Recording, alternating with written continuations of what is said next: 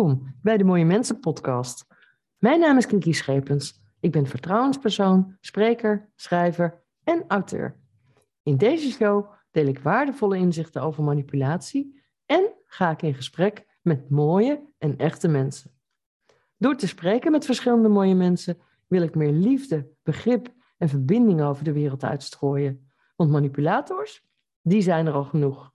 Dus houd jij van mooie mensen en ben je wars van manipulatie?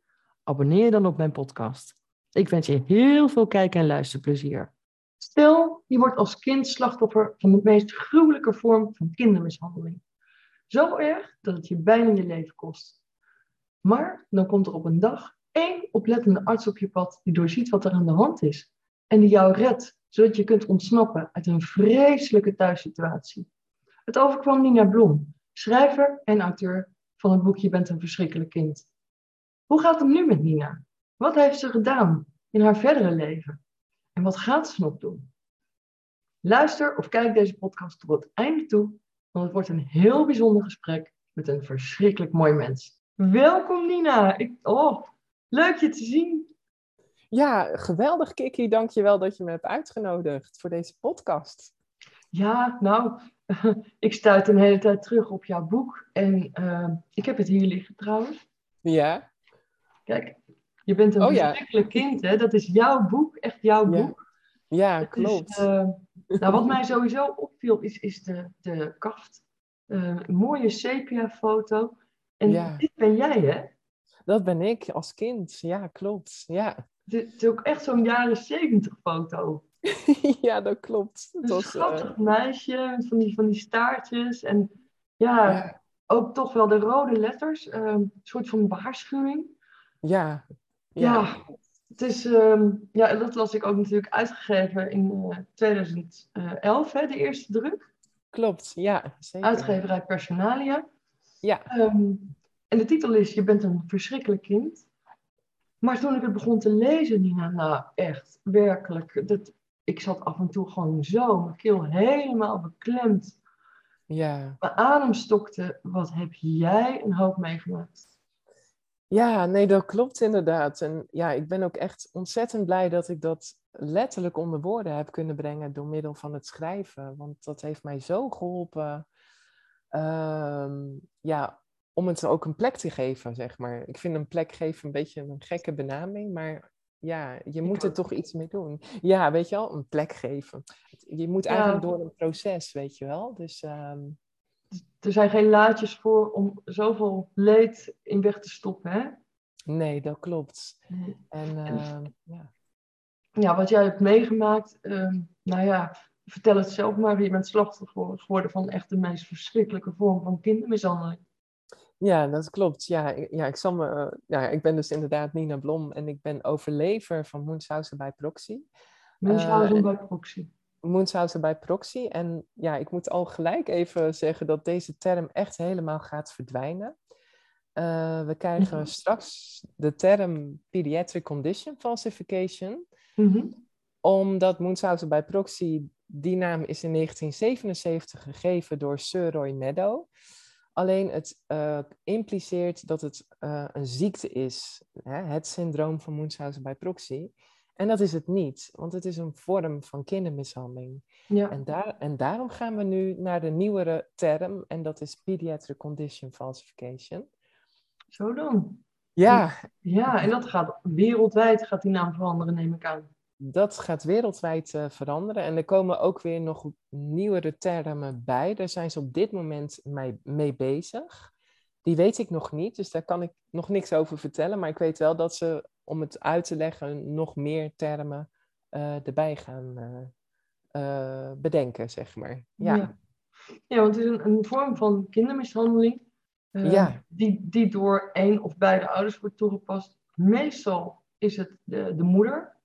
Klopt. En ja, dat, dat is jou ook overkomen. Kan je vertellen, zonder al te veel details eh, prijs te geven, want ik vind echt dat iedereen jouw boek zou moeten lezen. Maar Mhm.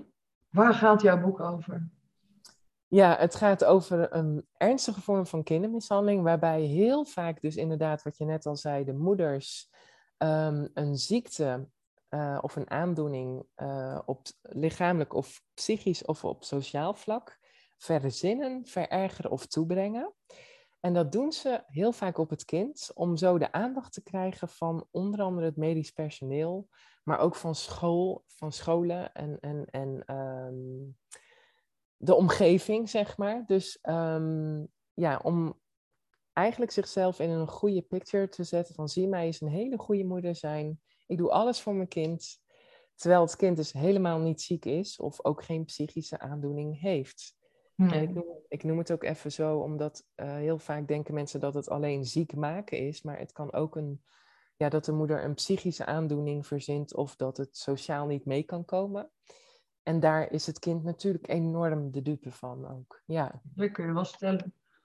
Het is ja. Uh, ja, bijna alles verwoestend, zou ik willen zeggen. Uh, ja, zeker. En, en ja, niet alleen lichamelijk, maar ook geestelijk. Gewoon een hel. Ja, zeker. En ja, weet je, um, bij mij is het vooral begonnen met het verzinnen. En, en uh, ja, mij elke keer naar de dokter meenemen. En dat werd eigenlijk steeds erger. Totdat ik echt ja, doodziek werd gemaakt. Echt op het laatst ja, zo ernstig ziek was. Gemaakt. Um, dat ik het bijna niet heb overleefd. Dat is eigenlijk even heel kort uh, wat ik heb meegemaakt. Ja, ja. Of, of grijzelijk. Want, ja. ja, wat ook in jouw boek staat. Hè? En er was één oplettende arts en de beste man leeft helaas niet meer. Maar die man is echt jouw levensredding geweest. Klopt, ja. En mijn held nog steeds, weet je. Hij zal altijd met me meegaan. Uh, ook al is hij vorig jaar overleden. Ja. Want eigenlijk ook door deze ontzettend lieve kinderarts, ja, ben ik eigenlijk ook deze missie ingegaan. Um, hij zegt, dokter Vriend is zijn naam, en hij heeft, um, nadat hij mij leerde kennen, heeft hij zich ook helemaal verdiept in kindermishandeling. En ook met name Munchausen bij proxy. En heeft dus heel veel voorlichting gegeven, heeft heel veel betekend voor kinderen, om nog veel meer kinderen te redden. En ik heb ook heel veel jaren met hem samen lezingen gegeven. En ja, nu voelt het ook van ja, weet je, ik ga gewoon door, want dit moet gewoon uh, onder de aandacht blijven. Ja, zeker. Maar dat is ook het mooie, hè? het is ook echt jouw missie. Het is echt mijn missie, ja. Ik kan het, ja, ik ben er heel, ja, ik, het maakt me ook heel ja, hoe moet ik het zeggen? Als ik, als ik ermee bezig ben, maakt het me ook heel blij, omdat ik weet dat het ook weer voor andere kinderen iets kan betekenen. En ook voor de overlevers. Dus de mensen die het hebben meegemaakt. En ook de professionals die uh, vermoedens hebben. En uh, ja, toch iets kunnen hebben aan de voorlichting om het eerder te kunnen signaleren en om te leren over de kenmerken. Ja, en kennis ja. is macht. Hè? Hoe meer mensen er vanaf weten, hoe meer rugbaarheid je eraan geeft. Ja. Ja, en wat ja. deed dan ook het, het overlijden van dokter Verient? Het is een gefingeerde naam, hè, als ik het goed begrijp. Ja, het is uh, absoluut... Ja. Uh, in mijn boek staan alleen maar uh, pseudoniemen. Mm -hmm. om de mensen te beschermen, zeg maar. Dat, dat voelde gewoon voor mij heel goed. Mm -hmm. Ja, echt waar, Kiki, toen ik het nieuws te horen kreeg... dat de beste man dus ook ernstig ziek was... Oh, dat was echt heel verdrietig. Um, ik hoorde dat tijdens de eerste lockdown in 2020, dus mm-hmm. in, in, het voorjaar. En toen hebben we met heel veel mensen, familie van uh, dokter Vrienden, hebben we zeg maar um, uh, georganiseerd dat we heel veel brieven gingen schrijven om hem een onderscheiding te geven voor een, ja, hoe noem je dat? Het oranje lintje, het koning, koninklijke onderscheiding. Ja, dan de, ja. de, de hoogste. Ik weet even niet hoe dat de heet. Ridder in de Orde van Oranje Nassau? Dankjewel, die. Die? Oké. Okay. Oh, ja. En dat is ons gelukt. Wauw. En Kiki, wij zitten hier nu ja, digitaal met elkaar hè, in een podcast. En mm. op dat moment wist ik nog helemaal niet hoe het werkte. Dus ik had een linkje gekregen om erbij te zijn, maar mijn camera stond uit. Uh, ik had wel mijn naam kunnen schrijven, dat snapte ik allemaal nog. En ik wist niet hoe het geluid aanging. Dus ik, ja, ik zat mee te juichen toen de beste man uh, de koninklijke onderscheiding kreeg. Maar hij hoorde me niet. En oh. ik denk, ja, het was echt zo, weet je wel. Ik heb echt staan juichen. En, oh, oh vriend, weet je wel. En uh, ja, Maar ik had zo'n mooie brief geschreven en ik had natuurlijk jarenlang al contact met hem gehad. Dus ik denk echt wel dat hij weet, dat hij misschien zelfs nu nog steeds ergens weet dat ik, uh, ja, dat ik hem echt een hart onder de riem uh, meegeef. Ja, Ja, hoe gek, hoe gek dat ook klinkt. Maar nou, dat klinkt Ja. niet gek hoor. Ik, eh, ik, ik geloof daar ook wel in. ja, ja, Ja. dus eh, ja. Ik kan me wel voorstellen. Het is wel heel mooi dat je dat hebt kunnen doen. Ja, Ja. zeker. Het was alleen wel heel jammer dat dat op die manier het online moest. Want ik Ja. had hem nog heel graag één keer echt willen zien. En nog één, keer in zijn, nog één keer in zijn lieve ogen willen kijken van... eh, ja, dokter Vrienden, dank je wel, weet je. Maar, Ja, dat snap ik. ja, Ja, dat is natuurlijk sowieso een hele rottijd. Dat, dat, ja, ja, en dan, eh, ja, nou, wel heel, emotioneel. Dank dat je dit deelt. ja, ja. Ja, Ja, het is echt heel belangrijk. Ja, dus en ik ga ehm, binnenkort ga ik. Misschien maak ik even een sprongetje, maar ik ga het toch even uitleggen. Want die beste man had dus. Die leerde ik kennen toen ik 13 was. Mhm.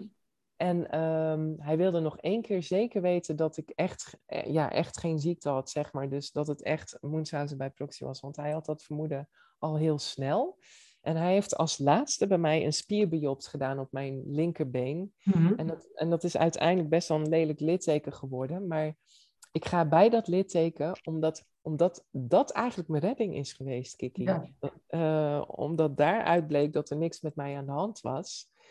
En daar ga ik dus binnenkort ook een tatoeage laten zetten. We can be heroes forever and ever van David Bowie. Wauw, wat gaaf. Ja, eh, ter mooi. ere, ja, inderdaad, ter ere van ja, al zijn inzet en wat hij voor mij betekent.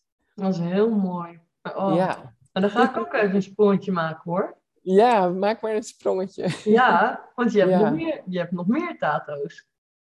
Ja, dat klopt. Ja, ik, allemaal. zien eh, omschrijven? ja, ik Ja. heb, ehm, even kijken of ik zie mezelf heel klein, gelukkig. Zie je hem?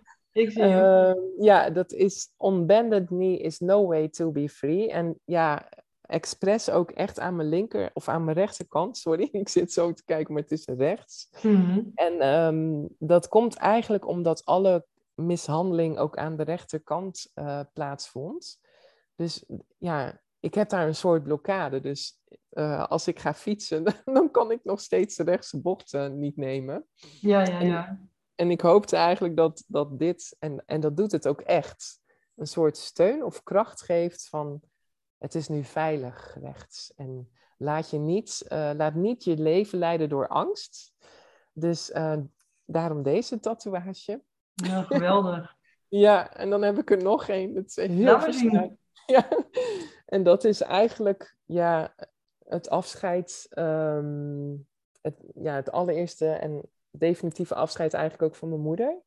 Ehm, dat is Enjoy the Silence. En ehm, ja, op 8 maart 1990 ehm, was dat liedje van Depeche Mode ontzettend populair. Ja. En eh, dat was ook de dag dat ik afscheid nam ja, van mijn moeder. En Definitief. Ja. definitief. En ik, eigenlijk heb ik daar nu pas een soort van, ja, ook omdat ze overleden is hè, eh, Mhm. in 2016, is dat voor mij een soort ja, afsluiting. Ik, ik, Ja, echt ja. een definitieve afstand. Het is ook een mooie roos die je daarbij hebt gebruikt. Of Ja. laten zetten in de tato. Ja, Ja. Die, hoort, die hoort ook echt bij het liedje hoor. Dus, eh, en ik vond hem zo toepasselijk, want ja, dus dat. Ja, Ja. nou ja, dat is ja, wat, wat voor jou goed voelt. En ik vind het heel bijzonder ook dat je zegt van nou, sindsdien lijkt het ook wel alsof op rechts alles anders gaat, beter gaat. Ja, het, het, het sterkt me. Het, het geeft me gewoon een soort eh, reminder elke keer, aan al, allebei de armen hoor, Mhm. van ja, dat het me sterkt. En ik vind het ook nog hartstikke mooi, weet je wel, een tatoeage. Dus ja, Ja, maar dit mag ook nooit vergeten worden. nee. Eh, Dus, Nee, ja, op je moeder, daar kom ik zo even op terug als je het goed vindt. Want jij zei dus Ja. straks ook, ehm, er moet gewoon veel meer bekendheid komen, hè? Ook, ook eh, onder kinderen. Ehm, maar ik begrijp, je geeft ook lezingen op, op klopt. ja, hogescholen, ehm, universiteiten. Wat, wat doe je precies daarmee? Ja, nou, ik, trek echt door heel het land, van zuid naar noord, eh, oost-west. Ehm, naar alle professionals die ja, mij benaderen eigenlijk. Want ik heb ja, tot nu toe heb ik het gewoon ontzettend druk met de aanvragen allemaal. Ehm, om zo ja, echt te vertellen over de signalen en over de kenmerken. Um, naar aanleiding van mijn verhaal. Want mijn verhaal heeft ontzettend veel raakvlakken met de andere kinderen, Mhm. slachtoffers. En ehm, daar heb ik ontzettende waardevolle interactie. Ja, waar mensen gewoon door kunnen vragen. Dus ja, wat, wat kun je doen bij een vermoeden? Wat moet je vooral niet doen? Ehm, en dat duurt meestal 2,5 tot 3 uur, soms wel langer. Zo. En eh, ja, het, elke lezing is anders, Kiki. Het is ongelooflijk. eh, ja, elke doelgroep is ook anders. Maar de interactie maakt het ook elke keer anders. Ja, En wat ervaar je dan ook? Ervaar je dan zelf ook nog dat er nog zoveel onbekendheid is, ook onder studenten bijvoorbeeld? ja heel veel. Ja? Ik merk, ik merk bij studenten in opleiding, vooral de verpleegkundige opleiding bijvoorbeeld. Ik geef Mhm. even een voorbeeld. Die geven ook echt aan van ja, tijdens mijn stage heb ik al wel eens met vermoedens te maken gehad. En we hebben er eigenlijk nooit iets over gehad op school. Dus ehm, eigenlijk, ja, eigenlijk zou dit gewoon een verplichte kost moeten worden om ehm, in de opleiding al dit eh, mee te krijgen, zodat ja, als ze dan in de praktijk gaan werken, dat het vroegtijdig herkend wordt. Want hoe eerder het herkend wordt, hoe beter en hoe, hoe sneller deze kinderen ook eh, gered zouden kunnen worden, zeg maar. Hoe groter de kans is ook. Hè? Ja, Je, je, zeker. zou, je zou ook denken van nou, dat zijn de mensen die als eerste of het vaakst aan het bed van een patiënt staan. Hè? Ja. De verpleegkundigen. Ja, Ik vind Ja. het eigenlijk onbegrijpelijk dat dat nog zo weinig uitgelicht wordt in een opleiding.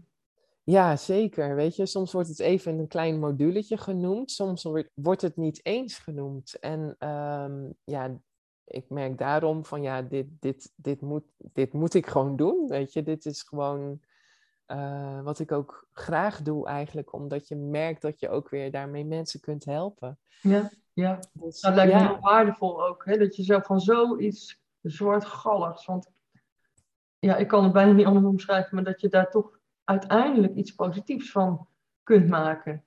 Maar dat is wel een hele lange weg geweest. Het is wel een hele lange weg geweest, maar ik heb wel altijd al als kind gevoeld, Kiki, ik weet niet of het gek is, maar ik heb wel gevoeld van oké, ik moet bepaalde dingen gaan onthouden. Ik wist niet wat het was, hè, wat mij overkwam. Ik, Mhm. wist ook, ik wist ook niet dat het een vorm van kindermishandeling was. Ik wist wel dat ik me eenzaam, verdrietig, angstig, onveilig heb gevoeld.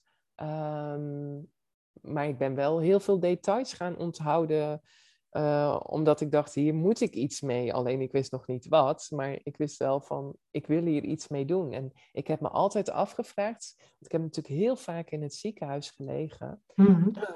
ik heb me altijd wel afgevraagd van, zijn er eigenlijk nog meer kinderen die zo'n moeder hebben? Dat is het Mhm. enige, weet je wel, dat, de- zo eh, dacht ik op dat moment.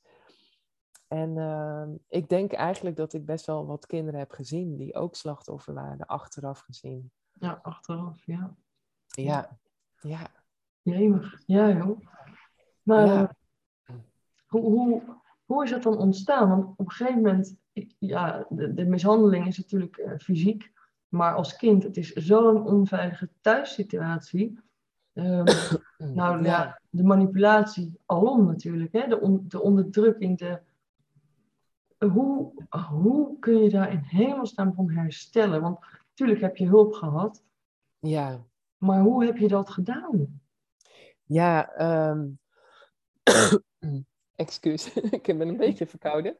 Ehm, het is echt een lange weg geweest. Ik, ik heb letterlijk ehm, bijna tien maanden in een ziekenhuis gelegen om te herstellen. Dus dat was na mijn redding, ben ik in een ziekenhuis gekomen. En daar heb ik heel veel, ook psychologische hulp gekregen. Alleen, ik was er toen nog niet helemaal aan toe om erover te kunnen praten. Mhm. En ehm, je moet je voorstellen, om een beeld te geven hoe ik eraan toe was. Ik kon helemaal niks. Ik kon mijn armen niet bewegen. Ik kon niet meer eten, niet meer drinken. Ik kon alleen nog een beetje praten. En ik heb alles weer langzaam leren te gebruiken. Ja. Ehm, en op het moment dat ik mijn handen weer kon gebruiken, heeft eh, David Franson, dat was de toenmalige psycholoog, heeft gezegd van, goh Nina, je kunt er niet over praten, maar probeer het dan alsjeblieft op te schrijven. Dus jouw verhaal chronologisch opschrijven. Mhm. En dat heb ik gedaan. Maar, Kiki, ik had zoveel onderwijs gemist dat mijn woordenschat best lastig was. Dus eh, als ik één iets wilde uitleggen, dan had ik daar drie zinnen voor nodig. Dus het, heeft mij heel het heeft mij heel lang ehm, de tijd gekost om alles in te halen, letterlijk. eh, Het onderwijs ook, maar ook de Nederlandse taal. Om mijn boek te krijgen zoals die nu is. Hè? Dus Ja. ik, heb er, ik heb er totaal wel 21 jaar over gedaan. Omdat je, je gaat het elke keer herschrijven. En ehm, eh, je wordt ook beter in de taal, in, in het verwoorden, in, in hoe je je voelt. En eh, de beleving vanuit het kind, weet je. Zo heb ik mijn boek ook eh, geschreven. Mhm. Maar jeetje, wat ben ik deze man dankbaar. En ehm, ja, ook vorig jaar heb ik hem dus weer teruggevonden, eh, deze beste man. Wauw. En ik heb hem, ehm, hij woont heel ver weg, dus ik heb hem niet ontmoet, ook vanwege corona toen de tijd. Maar ik heb hem een persoonlijke handgeschreven brief gestuurd. Van, goh, eh, hallo David Fransen, want zo noem ik hem in mijn boek. Ehm, ja, ik wil u ontzettend bedanken voor de tip die u mij toen gaf. U gaf mij de tip om mijn verhaal op te schrijven. Dat ging toen nog moeizaam, maar uiteindelijk is dit het eindresultaat. En wat denk je, Kiki? Ik kreeg dus een handgeschreven brief terug. Ja, Oh, wat lief. zo- dat was zo ontroerend. Ehm, Dus hij kende jou ook nog. ja, hij wist gewoon, hij wist, ja, alles wist hij gewoon nog. Wauw.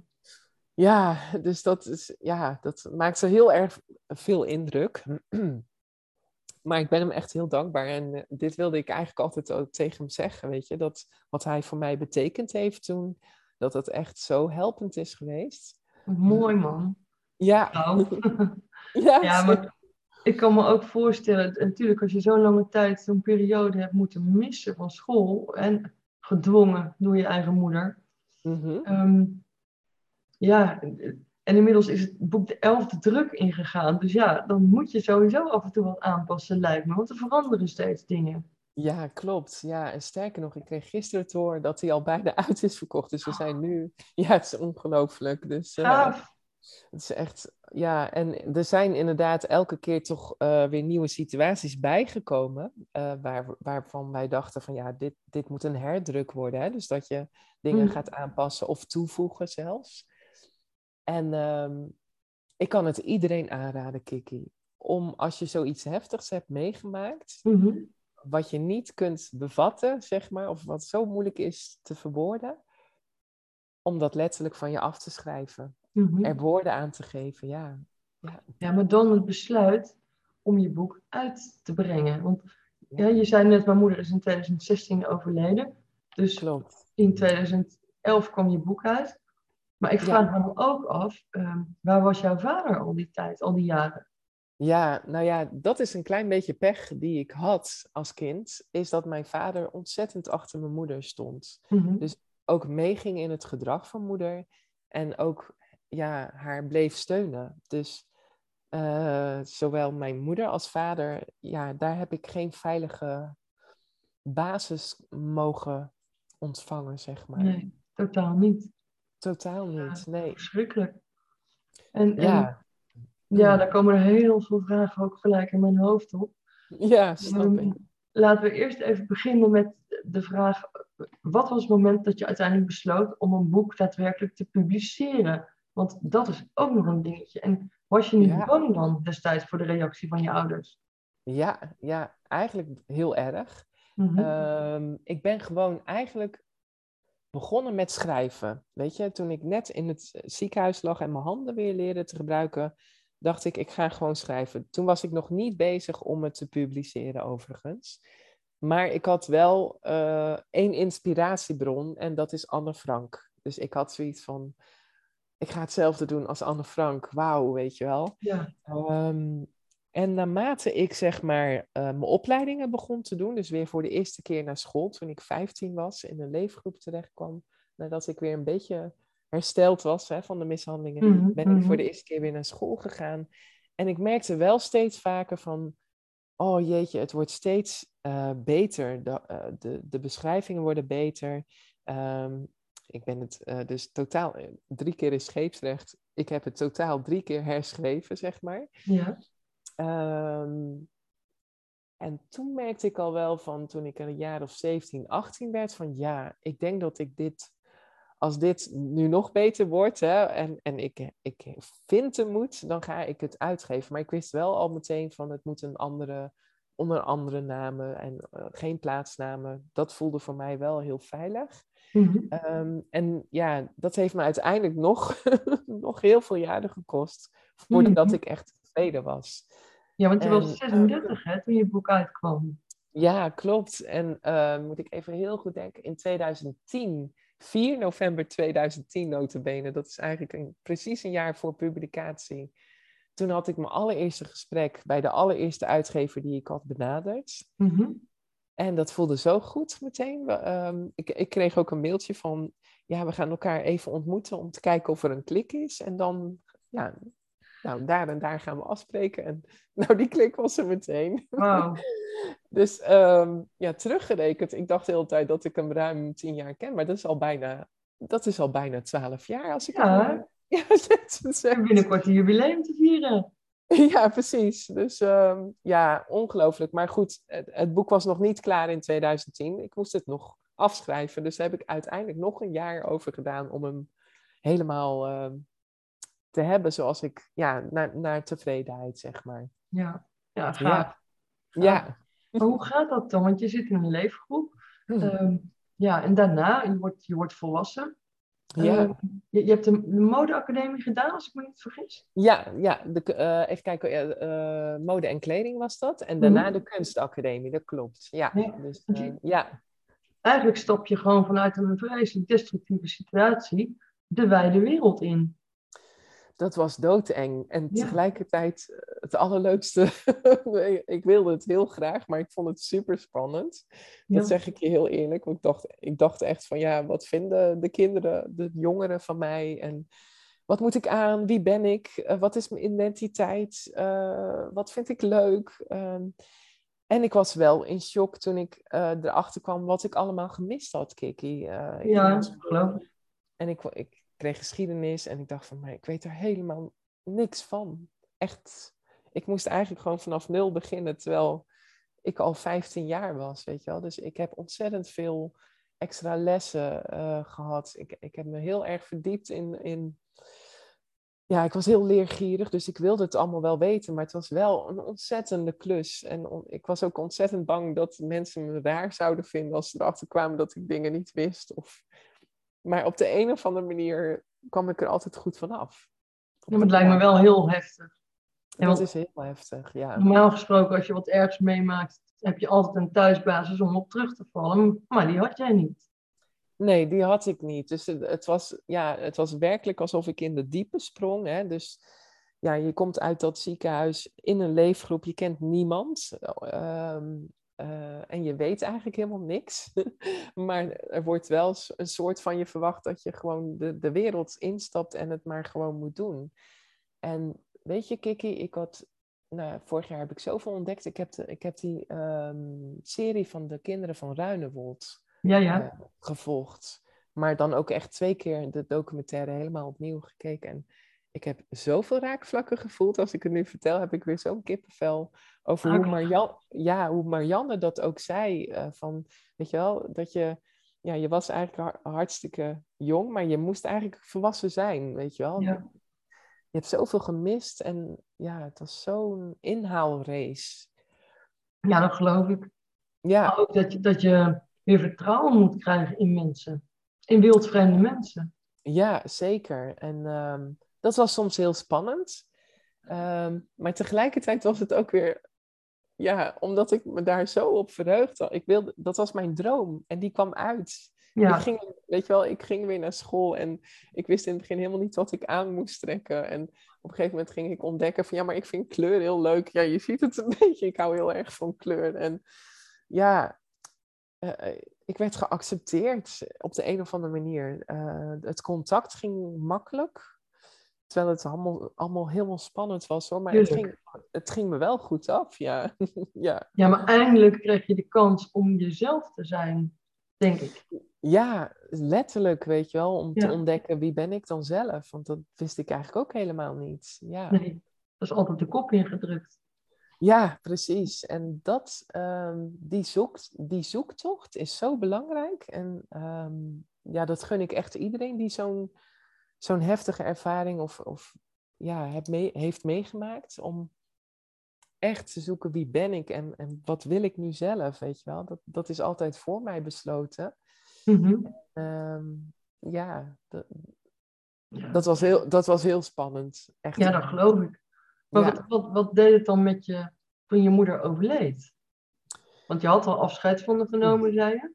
Ja, klopt. Ja, ik vind het een hele mooie vraag die je stelt, Kiki. Ik, ehm, ik heb eigenlijk altijd tegen mezelf gezegd, want ja, dat is altijd een soort troost geweest voor mezelf. Van ja, wat je niet hebt gehad, dat kun je ook niet missen. Dus, Mhm. ehm, dus ga ervoor, weet je. Ge- Ga het leven tegemoet en zie maar. Ehm, totdat ze overleed. En toen voelde ik ineens van ja, maar ik heb iets heel groots gemist. Dus ik voelde ineens wat ik gemist had. Mhm. Dus wat ik mezelf altijd had voorgenomen van je kunt niet missen wat je niet gehad hebt, ja, dat klopte ineens niet meer. Het was ineens alsof ik, ja, het was iets heel rauws wat ik hier voelde. Ehm, en daar moest ik iets mee doen. Ik, ik moest echt even weer terug in therapie en ehm, dat heb ik ook gedaan. Wat goed. En ja, en weet Ja. je, ik heb wel voor mezelf ehm, besloten van oké, ik moet hier iets mee, want ik voelde ineens allerlei emoties en ook, ook een beetje boosheid waar ik helemaal niet zo goed mee om kan gaan, maar ook heel veel verdriet. Niet omdat ze dood was, maar om wat ik niet heb gehad, denk ik. En toen besefte ik ook van jeetje, wat heeft mijn moeder dan meegemaakt waardoor ze dit heeft moeten doen? Ja. klinkt heel gek hoor, Kiki misschien. Nee, nee, nee. toen heb ik hier in de huiskamer, ik zit hier nu in de huiskamer, heb ik een kaarsje aangestoken en ik denk, nee, dat is te dichtbij. Dus ik heb het kaarsje opgepakt. Ik ben hier achter naar buiten gegaan. En daar heb ik het ehm, neergelegd en ik heb eh, een, een liedje opgezet wat we altijd bij de tandarts hoorden. Mhm. En dat was van James Last, Einsame Heerte. Mhm. Ik heb, ik heb iets met muziek. en, eh, want mijn moeder had zelf een vreselijke muzieksmaak. Dus ik dacht van ja, ik, ik moet iets wat toch aan mijn moeder herinnert, zeg maar. Maar wat tegelijkertijd ook wel... Ja, het was... Nou, ik wist het gelijk. Dus ik zette dat liedje op, op zo'n boxje, zeg maar. Weet je wel, zo'n boxje wat je dan... En Ja. ik, zei, ik zei hardop, ik was alleen thuis. Ik zei hardop van ja, ik kan het je niet vergeven. Maar ik hoop dat je nu je rust hebt. Zo. Ja, weet je. Dus, en ja, ik heb dat kaarsje laten opbranden en ehm, dat was mijn afscheid eigenlijk. Ja. Mijn, twe- mijn tweede afscheid eigenlijk. ja, maar het is wel goed dat je daar iets mee gedaan hebt. Want oh, ja, ik kan me ook voorstellen dat er een periode is geweest dat je ontzettend boos op allebei je ouders bent geweest. Ja, maar dat, die boosheid, dat duurde heel lang voordat, ik, voordat dat echt kwam. Omdat, ehm, ja, omdat ik dat moeilijk vond. En ik heb, ik, heb er wel, ik heb het wel gevoeld. En dat is ook heel goed, denk ik, om dat wel te voelen. Maar ik heb ook meteen bedacht van... je leven met boosheid blijven leven... dat gaat jezelf... ehm, dat gaat jezelf opvreten. Ja, dat klopt. Ja, dat klopt. Ja, Ja. ja. Ja. Dus, dus, en dan zou ik ook mijn missie niet kunnen uitdragen. En ik heb die vraag toevallig ook van een student gehad: van ja, maar Nina, waarom ben jij niet boos? Weet je, Ik- ja, ik ben boos geweest, maar ik, ik voel geen boosheid meer. Eh, dat wil niet zeggen dat ik het vergeven heb, maar je hebt het wel, ehm, omdat ze het niet erkend hebben, daardoor kun je het niet vergeven. Mhm. Maar het is wel belangrijk om het toch een soort van los te laten. Om, om het wel ja, enigszins, ehm, nou ja, haar dan toch die rust te gunnen, letterlijk. Ja, Ja, ja, ja. Ja, maar ook, ehm, ik geloof altijd dat op een gegeven moment moet je de dingen loslaten die je verdrietig maken, want anders kun je niet verder. klopt. En als vergeving, ja, hoe mooi is dat? Dat doe je in de eerste plaats voor jezelf. Ja, ja. En als dat jou uiteindelijk gelukt is, is dat je gelukt uiteindelijk. Ja zeker. En ik, ik denk eigenlijk, Kiki, dat deze tatoeage, die heeft zeg maar weer ja, dat, dat littekentje wat weer even een beetje open was gegaan, heeft hij eigenlijk weer letterlijk, want dit is ook een littekentje geweest, hè? En dat heb ik goed verzorgd en dat, dat is zo helend. Dat is die met die Ehm, roos, hè? Ja, dat is die met die Ja. roos. Ja. En dat is zoiets moois. Dat is zo'n mooi proces. Dus eigenlijk heb ik een soort van drie keer afscheid genomen. Dat drie keer komt elke keer weer terug, Kiki. Ja, blijkbaar.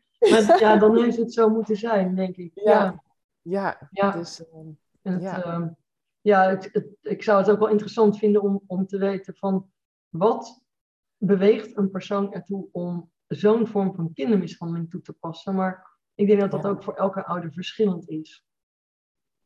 Dat denk ik ook. Eh, ik heb er wel heel veel research naar gedaan. En ik moet je ook eerlijk zeggen, ik heb me het precies zo afgevraagd als jij dat nu doet. Ehm, en me er ook wel in verdiept. Dus ik denk ook echt dat er ehm, in de VS zijn ze iets verder daarmee, dat er ook wel vaak sprake is van kindermishandeling in hun eigen jeugd. Mhm, Ja. En laatst had ik zo'n mooie interactie. Toen zei iemand ook tegen mij, Nina, ik denk dat jouw moeder zich zo heeft vastgehouden aan haar leugen, hè, het manipuleren, het vasthouden aan het pathologisch liegen, dat dat haar waarheid werd en dat ze ook geen andere weg meer terug, er was geen weg meer terug. Nee. Dus, dus ehm, en daardoor is het zo ver gegaan ook. En toen dacht ik van ja, het is haar houvast geweest. Ja, Hoe erg ook, weet wel. Ja, en ik praat het niet goed, hè, Kiki? Nee, Eh, nee, nee, absoluut no way. niet. Nee. Ehm, maar eh, daardoor kun je wel dingen die niet te bevatten zijn, toch een klein beetje los leren laten. Of ja, ja, en in, perspectief plaatsen misschien? Of? ja, ja. En, en om, om alle emoties die je erbij voelt ook er even te laten zijn. Ja. En dat ook weer te plaatsen. Ik weet ik niet geloof hoe dat we daar zo een, eh, een tweede uitzending van zouden kunnen maken, Nina. ja, het- Ja. we hebben een heel mooi gesprek, eh Kiki. Ja, Oh, ja, maar ik ben nog niet klaar hoor. Ik vind het ook, ik vind het ook een heel mooi gesprek. ja, ja, ik heb we nog gaan- veel meer. Ik heb nog veel Ja. meer dingen die ik je wil vragen. Oh. Ja, ga maar door. Nou, oké. Weet je, wat in jouw boek ook, hè, wat ik las, ja, twee dingen waar jij ook als kind echt aan vast hebt gehouden. Ja, een paar meer kleine dingen, maar twee dingen. En dat vond ik zo bijzonder ook. Eh, de kat, Moortje. Ja. Ja. Ja. dat- Ja. Hoe belangrijk zijn dieren nu nog in jouw leven? ja, eigenlijk heel belangrijk. Alleen het, het grappige, ja, ik maak dan heel even nog, ik hou af en toe wel een klein beetje van grapjes maken, maar ehm, dieren zijn heel belangrijk in mijn leven nog steeds. Alleen het allerbelangrijkste is de liefde in mijn leven. En laat die nou toch allergisch zijn voor dieren. Oh nee. dus, ehm, maar ja, dat neemt niet weg dat ik nog steeds van dieren hou. Alleen, ja, eh, ze kunnen niet in huis. Dat is echt geen, geen mogelijkheid, want eh, hij zit in de hoogste factor allergie, zeg maar. En, Ja, eh, maar- ja, Ja, maar als het de liefde van je leven is, die moet dan ook heel je leven meegaan. Dus ik kan me voorstellen, dat gaat boven alles. Dat gaat boven Ja. alles. En, ehm, eh, dus dat is het allerbelangrijkste voor Dat mij. is fijn. Ja. Wat, wat leuk ook. Hoe was dat dan eh, toen je, toen je deze partner leerde kennen? Vond je dat niet Ja. eng? Dat was wel heel eng, want ik, ik heb, eh, daar heb ik in mijn boek heel kort iets over geschreven. Ik heb ook een hele nare ex gehad, Mhm. omdat ik denk ik ook wel heel kwetsbaar was. En ja, daar zijn dat soort mannen gevoelig voor. Dus daar ehm, ben ik letterlijk vorig jaar, ehm, heb ik dat af kunnen ronden, omdat hij heel veel schulden op mijn naam had gezet. Mhm. Dus daar heb ik heel veel ellende van gehad. Maar des te meer dat ik nu weer een stukje vrijer voel. En dat is ook een beetje deze. Hè? Deze tattoo is daar ook een beetje. Aha.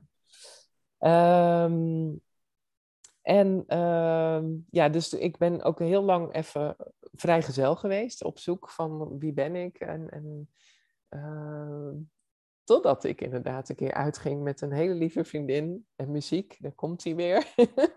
was, eh, ja, ik, zag, ik zag mijn huidige vriend daar staan. En ik, ja, ik dacht echt, wat is hij leuk. En eh, ik, durfde, ik durfde hem gewoon niet aan te spreken. En pas een half jaar later vond ik de moed van... Ik vind jou heel leuk dansen.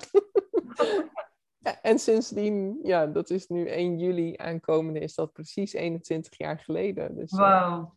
ja, dus ja, Volgens mij heb ik al tien keer wauw gezegd in deze opname. ja. ja, maar dat is ehm, ja, heel bijzonder, Kiki. Echt, nou, eh, ik ben er ook echt oprecht blij om voor je.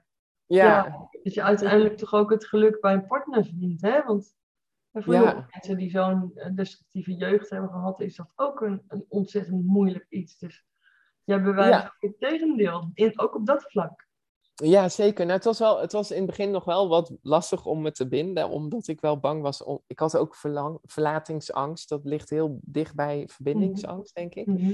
Ehm, maar we, ja, we hebben zoveel meegemaakt samen. ehm, en dat heeft ons zo gesterkt. Eh, ik kan niet anders zeggen dat ja, sommige er- ervaringen maken je ook weer sterker. Tuurlijk. Ja, Maar hoe was het dan voor jouw partner? Want je zei in het begin van het gesprek van nou, hè, bijvoorbeeld met naar rechts, rechts fietsen, rechts afslaan, heb ik moeite. Eh, ja. Mag ik daaruit voorzichtig opmaken dat je ook lichamelijk nog andere dingen, zaken daaraan over hebt gehouden? En terwijl ik het vraag, voel ik me eigenlijk heel bezwaard. Want dan denk ik, dan vraag ik naar iemands gezondheidstoestand. Nee, nee, dat is helemaal niet erg. Ja, dat is wel een worsteling geweest. Want hoe, ja, het duurde heel lang voordat ik daar iets over durfde te vertellen, überhaupt. Maar ja, het was voor mijn vriend wel heel snel duidelijk dat ik wel echt iets had meegemaakt en dat ik ergens last van had. Eh, omdat ik denk na een jaar, ik was net afgestudeerd, dat was ook mijn houvast, zeg maar, mijn studie. Ik was net klaar en ik, ja, ik kon niks meer. Ik zakte helemaal in. Ik had eh, continu blaasontsteking, dat werd ook nierbekkenontsteking. En dat komt eigenlijk door de trauma's die ik had meegemaakt. Dus psychisch ging het niet goed met me. Lijfelijk eh, sloeg het letterlijk, het sloeg op mijn lijf, zeg maar. ja. Letterlijk ervan uit. En naar een dokter gaan was heel moeilijk. Dus ja, al met al heb ik een enorm proces moeten doorstaan om te leren naar een dokter te gaan, om leren ehm, hulp te vragen. En ik ben toen ja, in een heel traject eh, terechtgekomen door mijn vriend. Die Ja. heeft mij echt gepusht van Nina, je moet hier echt, je moet nu hulp gaan zoeken. Nou, ik ben hem zo-. Ja, ik ben hem zo dankbaar. En Ja. ehm, hij is met mij meegegroeid. Hij, weet je, hij, hij vond het zo belangrijk dat ik wat meer assertief zou eh, worden en eh, wat meer zelfvertrouwen zou krijgen. Ik ben nog steeds mee bezig hoor. dat is nog niet helemaal. Maar ik ben zo eh, blij dat hij me daar altijd eh, in steunt. En ja, dat, hij zegt ook altijd tegen mij: Ik ben heel blij dat ik jou heb, want je bent zo vrolijk en zo, zo lief, weet je wel. Dus, Ben je eh, ook, dat ben je zeker. ja, Ja, spontaan en, en creatief. En, eh, ja, ja, dus ja, ik ben echt zo, weet je wel. En dat was ook een van de eerste dingen die hij zei toen mijn moeder was overleden. Van, want ik, ik wist niet waarom ik zo, ja, waarom ik me zo voelde. En hij zei op dat moment van, ja, maar niemand heeft tegen jou gezegd hoe lief en, eh, je bent en ehm, hoe belangrijk je bent. Maar je bent voor mij echt heel belangrijk. En dat, als ik nu zeg, dan, Ja. dat was zo, dat was zo ehm, eh, mag ik het zeggen? raak. Ja, Verwarmend, liefdevol. Wat een Ja. liefde. Ja, ja, nou dat. En ehm, ja, als ik daar maar aan terugdenk, hij, zegt, hij zegt ook altijd van ja, je bent zo vrolijk en je bent een vreugde in mijn leven. Daar heb ik, eh, ja, en toen ik dat hoorde, dacht ik van wauw. Oh. ja. maar dan vullen jullie elkaar gewoon heel mooi aan. ja, zeker. Dus, ja, Ja. hij is altijd te rustig en ik ben altijd het stuitenballetje. Ja, maar dat houdt elkaar dan mooi in evenwicht, denk ik. dat denk ik ook. Oh. Daar ben ik wel ontzettend blij om voor je. Ja, dat, dat- ja geweldig. Ja. Ja, zeker. Nou goed, dat vroeg ik me dus af. Maar ook even terugkomend op jouw jeugd. Dat was nog een ding wat voor jou heel belangrijk was. Ehm, het blad de Tina. Ja, dat De klopt. jaren 70, 80, nou jaren 80, ja. Ja, jemig. Vertel daar eens wat over. Ja, ik kan me voorstellen hoor, als je zo'n Ja. verdrietige jeugd hebt, dat je ook echt uitkijkt naar wanneer, wanneer je dat blad kon lezen.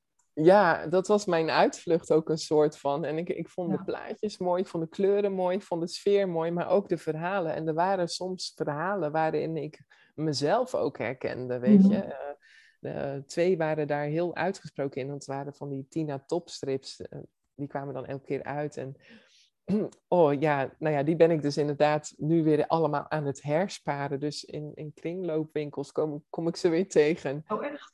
Ja, ik, ik, oh, ik word er zo blij van. Ehm, ja, dus dat is iets heel belangrijks uh, voor mij geweest. Letterlijk een soort van uitvlucht, maar ook een soort houvast. En ehm, ja, ik weet niet of ik het mag vertellen, Kiki, maar mijn verhaal wordt dus nu ook in stripvorm uitgegeven. Dus, Wat gaaf! Het is een soort, ja, een hele mooie droom die uit gaat komen. Ja. Nou, zeker. Maar, en dat is dus jouw uh, uh, verhaal van, van het boek Je bent een verschrikkelijk kind, komt in stripvorm. Ja, zeker. En dat, dat het is wel ook de bedoeling dat het voor jongeren is, dus vanaf mm -hmm. 12 jaar. Ja. En ja, ja, dan is het gewoon eigenlijk zoiets speciaals. Het is niet alleen voor kinderen natuurlijk, maar ook voor volwassenen, omdat ik vind dat een stripboek is voor jong en oud. Het is ja, toegankelijk. Het is toegankelijk, maar het, het laat ook veel meer zien uh, wat Munchausen bij proxy pediatric condition falsification is. Dus je kunt veel meer die non-verbale dingen uh, zien, beeldend, zeg maar. Het is visueel, hè? Ja, het is visueel. Ja, ja. Dus, en ben je ook zelf helemaal betrokken bij dat proces? Ja, heel nauw. Uh, we werken heel nauw samen, zeg maar. Dus mijn uitgever, uh, striptekenares René Rienties en scenarist Willem Ritstier. Mm -hmm. Samen met mijn uitgever Seb van der Kade. We hebben echt een ontzettende goede band met elkaar. En ja, alles wat zeg maar geschreven wordt door de scenarist Willem Ritstier, die um, overlegt, overleg dat eerst met mij. Dus dan komt het naar mij en dan vul ik het soms een beetje aan. Uh, en dan gaat het naar de striptekenaar en die gaat daar een opzet van maken. Dus dan maakt ze even een layout, zeg maar. En dan zegt ze, hebben jullie het zo ongeveer in gedachten? En dan gaat ze dat uitwerken. Nou, Kiki, toen ik dat als eerste, die pagina's kreeg, weet je wel, het is natuurlijk een zoektocht van welke stijl, wel, wat is toegankelijk, wat voor kleuren, weet je wel. Mm. Maar toen kreeg ik dat terug en ik zag daar zo als eerste dat kleine blije babytje. dat was ik dan. Ik denk, het, het, is, het is zo treffend. Daar word je toch helemaal blij van, ja. Ja, echt zo. Ja, en ook ontroerd, weet je wel. Van, oh ja, dat was ik inderdaad. En uh, er wordt nu veel meer ingespeeld op wat mijn interesses waren, wat, wat ik leuk vond dat was ik een beetje vergeten. Maar die vragen kreeg ik dus ook, weet je wel. Ja, wat vond je dan mooi als kind? Ja, ik vond molens heel mooi, weet je wel. Een molen, als ik die zag staan, dan werd ik helemaal, oh, een molen, weet je wel. toen had je nog geen windmolens. Nee, en, uh, nee, en eh, ja, en muziek, weet je wel, top-op inderdaad. Um, ja, stripboeken. Dus ja, het is zo mooi dat dat visueel jouw verhaal komt visueel en het is niet zozeer mijn verhaal, maar het is ook dat je laat zien ja, dat ik eigenlijk helemaal geen verschrikkelijk kind was, weet je wel. En dat, dat begin ik nou een beetje meer te voelen, omdat het zo visueel voor me neergezet ja. wordt. Ja. En wanneer zou het uit moeten komen, de graphic novel? Ja, ik hoop echt. We zijn nu met een crowdfunding bezig en die loopt tot 1 juli. Dat is dus ook de dag dat ik samen 21 jaar met mijn vriend uh, ben. Wauw, ja. Niks is toeval uh, hoor. Nee, dat geloof ik ook eigenlijk wel. En um, ja, we, ja, we moeten dus een bepaald bedrag ophalen, of we moeten. Het is echt, um, het bedrag gaat ook echt naar de research en het werk van de stripmakers. Dus het, mm -hmm. is, nog, het is niet de productiekosten of de, de, hoe zeg je dat, de drukkosten. Nee, het gaat echt naar de stripmakers. Um, en ik hoop echt dat we het gaan halen en dat het dan begin 2023 uitkomt. Wauw. Dus ja, het zou mooi zijn als iemand dit hoort en het wordt opgepakt om jou uh, daarbij te steunen en te helpen. Ja, en, en, en niet zozeer alleen jou, maar ook ja. al die kinderen. Ja, en daardoor, uh, daarvoor is het stripboek er ook, weet je. Want ik denk echt dat het levens kan redden, letterlijk. Omdat daar zoveel uh, over te leren is. Dus je kunt de kenmerken zien, de signalen. Wat moet je doen, wat moet je niet doen. Uh, het wordt wel in mijn verhaal verteld, maar het is ook tegelijkertijd ontzettend leerzaam. En um, zowel voor de professionals als op scholen, ja. als in de omgeving, maar ook voor kinderen die het hebben meegemaakt. Want dat heb ik zo gemist, weet je wel. Een uitleg van wat is het en... Ja ja, een stripboek is zo toegankelijk. eh, Het zou eigenlijk al op de leeslijst moeten staan voor, voor, de, voor de brugklassers. Hè? Dan zijn eerste en tweedejaars brugklas. Ja, dat denk ik ook. En eh, ja, weet je, hoe meer mensen dit lezen, hoe meer ze erover weten en hoe eerder het gesignaleerd kan worden. En opgespoord en aangepakt kan worden. Ja, Ja, zeker. het is ook iets... ehm, ja, het is natuurlijk mogelijk om zoiets in meerdere talen uit te brengen. Want Ja, is dat ook de bedoeling? Want je andere boek is ook in het Engels verkrijgbaar, hè? Dat fysiek. Ja. ja, klopt. Ja, we zijn dus nu ook bezig om met tegelijkertijd dat we de Nederlands maken ook een Engelse vertaling. met heel veel dank aan Margrethe Heer, die echt zo'n eh, geweldige inzet en ons steunt, zeg maar. Margrethe Heer is ook eh, striptekenaar, stripmaker. Mhm. En eh, zij helpt me ook met de crowdfunding. Maar ja, zij kwam ook echt van ja, dit moet ook gewoon vertaald worden, ook in het Engels. En ook omdat ik eh, de Engelse lezingen aan het oppakken ben. Dus ik geef ook lezingen in het Engels voor studenten, eh, zeg maar. Dus ehm, You go, girl. Ja, het gaat echt heel goed. En eh, ja, weet je, eh, heel voorzichtig gaan, ook misschien in het Duits. Want ja, ik heb onlangs ook een Duitse lezing aanvragen. Alleen mijn Duits is heel slecht. Dus we zijn samen aan het oplossen van goh, hoe we dat gaan doen. En dat Ja. gaan we in het najaar doen.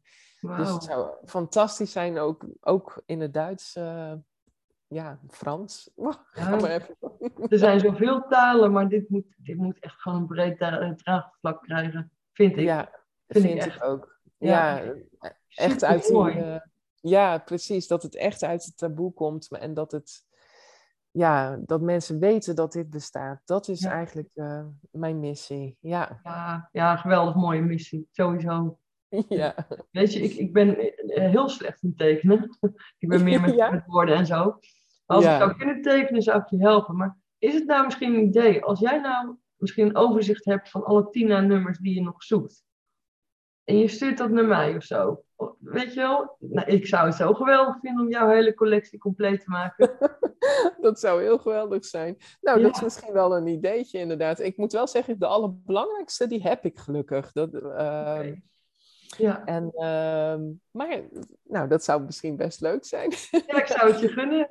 Ja. ja. En sowieso natuurlijk dat de graphic novel. eh, ja, maar dat gaat ook gewoon weer een succes worden, Nina. Dat voel ik gewoon aan alles. Ja, nou dat is mijn aller, allergrootste wens. Kijk, de Tina's, ja, weet je, die, die, die heb ik nog in mijn geheugen gegrift, weet je wel. Maar dit is zo'n belang, belangrijk boek. ehm, mijn Ja. allergrootste wens. Ja. Ja, maar het zou bijvoorbeeld ook, zie ik helemaal voor me, in wachtkamers kunnen liggen bij huisartsen, ja, specialisten. Ja, waarom niet? Ja, ik denk dat het echt, ja, ook de stijl is heel toegankelijk. eh, de kleurkeuze is heel mooi. Dus ehm, ja, ik ben voor. Ik ben, echt, ik ben ook echt heel benieuwd. Ja, Ja, komt er nog een, een twaalfde druk van jouw boek? ja, daar zijn we dus nu mee bezig. dus eh, Ook al, ja. Ja, ook al. Dus er, gebeurt echt heel veel. Eh, er is vorig jaar ook een luisterboek uitgekomen. En daardoor ja, is mijn boek ook weer... Ja, het blijft gewoon doorkabbelen. En dat vind ik wel heel mooi. Het, weet je, het hoeft voor mij niet constant in zo'n zo'n piek. Maar het kabbelt gewoon lekker door. En dan komt er inderdaad een luisterboek. Dan gaat mijn boek ineens weer omhoog. Ik merk ook dat ehm, in de media is toch wel belangrijk. Want in die zin Oh, en er komen dan zoveel verhalen weer, Kiki. Eh, dat vind ik tegelijkertijd ook heel heftig hoor. Van mensen die vermoedens hebben. Ja. Of mensen die het hebben meegemaakt. Dus het is zo ehm, ja, actueel, weet je wel. Het is zo belangrijk dat dit blijft, eh, onder de aandacht blijft komen. Ja, Zeker. Het is, het is Zeker. eh, ja, triest genoeg dat er steeds meer naar buiten komt. ja Maar wat niet naar zeker. buiten komt, eh, ja, dat wordt ook nooit, nooit gered of opgelost. Nee, zeker. Dus ja, Maar ook het luisterboek, wat je, wat je net zei. Ik kan me nog herinneren dat jij vorig jaar tegen mij zei van... Oh, Isa Hoes gaat het inspreken. ja, Dat is precies. toch ook gaaf? Ja, nog zo'n held, eh, weet je wel. Ik vind haar Ja. echt fantastisch ook. En ehm, ze heeft het zo treffend ingesproken. Eh, je mag gerust weten dat ik dat af en toe nog even luister. Van, weet je wel, van, oh jeetje, weet je wel. omdat je het dan, dat is weer een andere manier van tot je nemen. Maar soms komt dat nog meer binnen dan dat je het zelf leest, weet je. Omdat zij daar zo met inlevingsgevoel uh, heeft ze dat gedaan. Ja, ja ik, ik, heb het niet geluisterd, maar ik geloof dat zo, als je dat zegt, dat zij een hele empathische vrouw is die dat heel goed kan. Ja, ja. Heb jij haar ook ontmoet? Zelf? Nee, nog niet. Ja, dat zou echt heel leuk zijn als dat ooit nog een keer komt. Maar ja, ehm, ja wie weet. Ja, wie weet. Mooi. Ja. Ah. En ja. Ehm, ja. je zit nou in een mooie mensenpodcast. Ja, want ik, ja. Ik heb wel eens vaker tegen jou gezegd, ik vind je een verschrikkelijk mooi mens. Maar dat meen ik ook echt.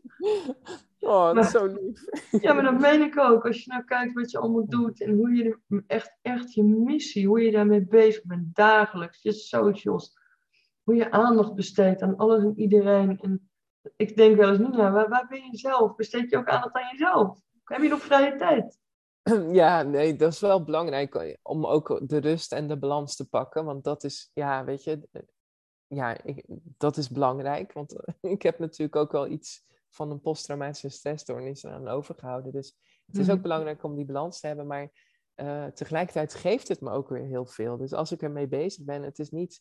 Mensen denken wel eens van, is het dan zwaar? Nee, het is juist iets heel positiefs. Want je, je ziet ook daadwerkelijk dat het weer iets oplevert. En dat het, mhm. dat, het, dat het onder de mensen leeft en dat het mensen helpt. En ja, daar doe je het eigenlijk voor, weet je. Dus, ja, ehm, en PTSS, ja. ja, ik neem aan dat je daar ook therapie voor hebt gehad, daar kun je mee leven. Maar het blijft altijd iets waar je rekening mee moet houden.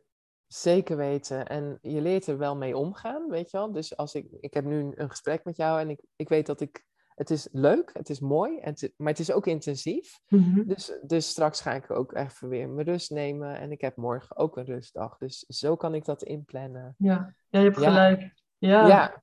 ja. Als ik je nou zou vragen van nou, ehm, wat is nou jouw definitie van een mooi mens? Kan, kan je dat definiëren? Ja, dat je een, ehm, een mooi mens vind ik als die heel authentiek is. Dat, dat hij mag zijn wie die is, wie hij of zij is. Ehm, dat je eerlijk bent, dat je mag leren, nog altijd. Weet je, je bent nooit te oud om te leren. Dat denk ik. Ja, dat vind ik heel mooi omschreven. Ja. ja. En stel nou, ehm, als mensen jou, uh, jouw boek nog niet kennen, hè? Mm of, of TCT, de graphic novel.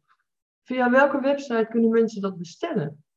Ja, dat is eigenlijk heel makkelijk te onthouden. Dat is eigenlijk www.ninablom.nl. Ja, Oké. Als je, ja, als je daarop komt, dan, dan kom je eigenlijk ook bij mij. Dat is een, een, platform, uh, zeg maar, waar je mee in contact kan komen, waar je het boek kan bestellen en waar je een lezing kan aanvragen en ook over de graphic novel kan lezen. Dus wow. alles, alles in één.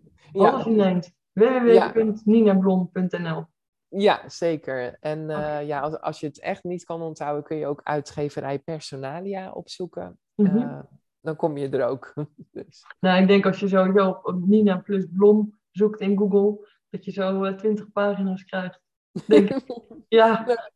maar dit is wel makkelijker als je een website hebt om te, om te kunnen benoemen. Ja, ja zeker. Ja. Dus, uh, ja. Wauw, ik vind het echt een leuk, heel mooi, bijzonder gesprek, Nina. Ja, ik ook. En ja, ook een van jouw eerste, denk ik. Of niet? Want je bent ja, wel even... de allereerste, maar dat had ik jou niet gezegd. Oh, echt? Ja. oh, dat had je me inderdaad niet Ja, wel dat je net begonnen was, maar... Ah, dat is uh, heel bijzonder. Ja, nou, ik heb wel natuurlijk wel vaker mensen geïnterviewd, maar ik dacht, als ik je dat zeg, dan geef ik het een extra lading. En ik wil die niet in zo'n ongemakkelijke positie brengen. Maar ik vind het wel ontzettend uh, mooi. En ik denk dat je met recht ook in deze podcast zit. Ja. Ja. ja. nou, wat een mooie, mooi begin. Ja, nou zeker, vind ik ook. Maar nou is er nog wat, want ehm, jij had ook nog, ja ik weet hem al, maar jij hebt ook nog een verrassing voor mijn kijkers en luisteraars. Zeker. En, Vertel. Uh, ik heb hem hier liggen ook. Nou, ik heb een boek weg te geven, mijn boek. En uh, ja, zoals ik net vertelde, ik heb er nog maar een paar. dus, uh, en hij wordt natuurlijk wel gedrukt weer. Maar ja, dit is een, een, een herdruk die eind november vorig jaar is uitgekomen. En die ook weer eens een beetje is aangepast. En die wil ik graag weggeven. Nou, daar wil ik je heel hartelijk voor bedanken. Vind ik echt super gaaf en lief ook. Ja, ja, Ja. nou, Dus- heel graag gedaan. Nou ja, voor de mensen die dit horen of, of zien, ehm, zou ik willen zeggen, joh, abonneer je even op mijn podcast. Vul even het contactformulier in op mijn website www.feach.nl, f-e-a-c-h.nl. En dan eh, zorgt Nina er persoonlijk voor dat het boek naar je toe komt. Zeker. Ja, maar dan Ja. moet je wel even zeggen waarom ze het willen winnen. Want dat vind ik wel voor jou ook mooi om Ja. te weten. Ja, Ja, ja, wie weet kan ik ze. Ja, dat lijkt me heel mooi. En ik hoop dat het inspirerend kan zijn voor de mensen. Dat nou, kan een reden zijn. Dus, in eh, ieder geval een enorme eye-opener, dat weet ik wel. En Ja. sterker nog, Nina, ik heb je boek nou, ik heb hem echt in twee dagen uitgelezen. jeetje, ja. Echt een boek dat je wilt, hoe schokkend ook, je wilt gewoon blijven lezen. Ja, Je denkt, nee, hoe kan dit? Wat... Ja, dat. ja. Nou, dat is wel heel lief zeg. Jeetje, Ja. ja. Dus ik vind, het, ja, ik vind het gewoon ontzettend lief dat je het aan een van de kijkers of luisteraars wilt schenken. Dankjewel daarvoor. Ja. Ja, nou heel graag gedaan. Ja, super. En nog een laatste vraag, Nina. Ehm, heb, je, heb je nog in één zin een boodschap voor de kijker of luisteraar vanuit jezelf? Boodschap, ja. Als je, ik denk even, even puur vanuit mijn hart. Ik heb er niet heel erg over nagedacht. Ehm, heel spontaan. Als je ziet dat er iets niet klopt met iemand of wat dan ook, eh, doe er iets mee, weet je. Ehm, als je merkt of denkt dat een kind onveilig is, doe er iets mee. En ja, ik hoop eigenlijk dat je daarmee eh, het verschil kan maken. Ja. Ja, Dus als je ziet dat er iets niet klopt, doe er iets mee. En ik hoop dat Ja. je daarmee het verschil kunt maken. ja zeker. Dat vind ik een hele mooie eh, afsluiter. Ja. Ja, ik ook. Nou, ik wil jou hartelijk bedanken voor je tijd. Heel graag gedaan. Ja, En ja, ik wens je ook eh, sterkte sowieso met je verkoudheid. ja het is. Nee, maar ik, eh, ik, het is niet storend hoor. Ik, eh, nee, ik vind het Gelukkig. ontzettend leuk dat je als allereerste gast in mijn podcast wilde zijn, Nina. Ja, succes met alles ook. En ja. Ja, laten we hopen dat echt ook de graphic novel, dat die in heel veel talen op de markt zal komen. Want jouw boek, jouw verhaal, jij als mens, als mooi mens, verdient dat gewoon. nou, dankjewel, Kiki. Oké, Super, dankjewel. Heel veel succes. En wat een eer dat ik de eerste mocht zijn. oké. Dankjewel Nina. Bye bye. Bye. Bye. Dankjewel voor het kijken of luisteren naar de Mooie Mensen podcast. De podcast vol met mooie mensen en echte verhalen. Wil je het als eerste weten wanneer een nieuwe aflevering online staat? Laat even weten wat je ervan vond en abonneer je op mijn podcast.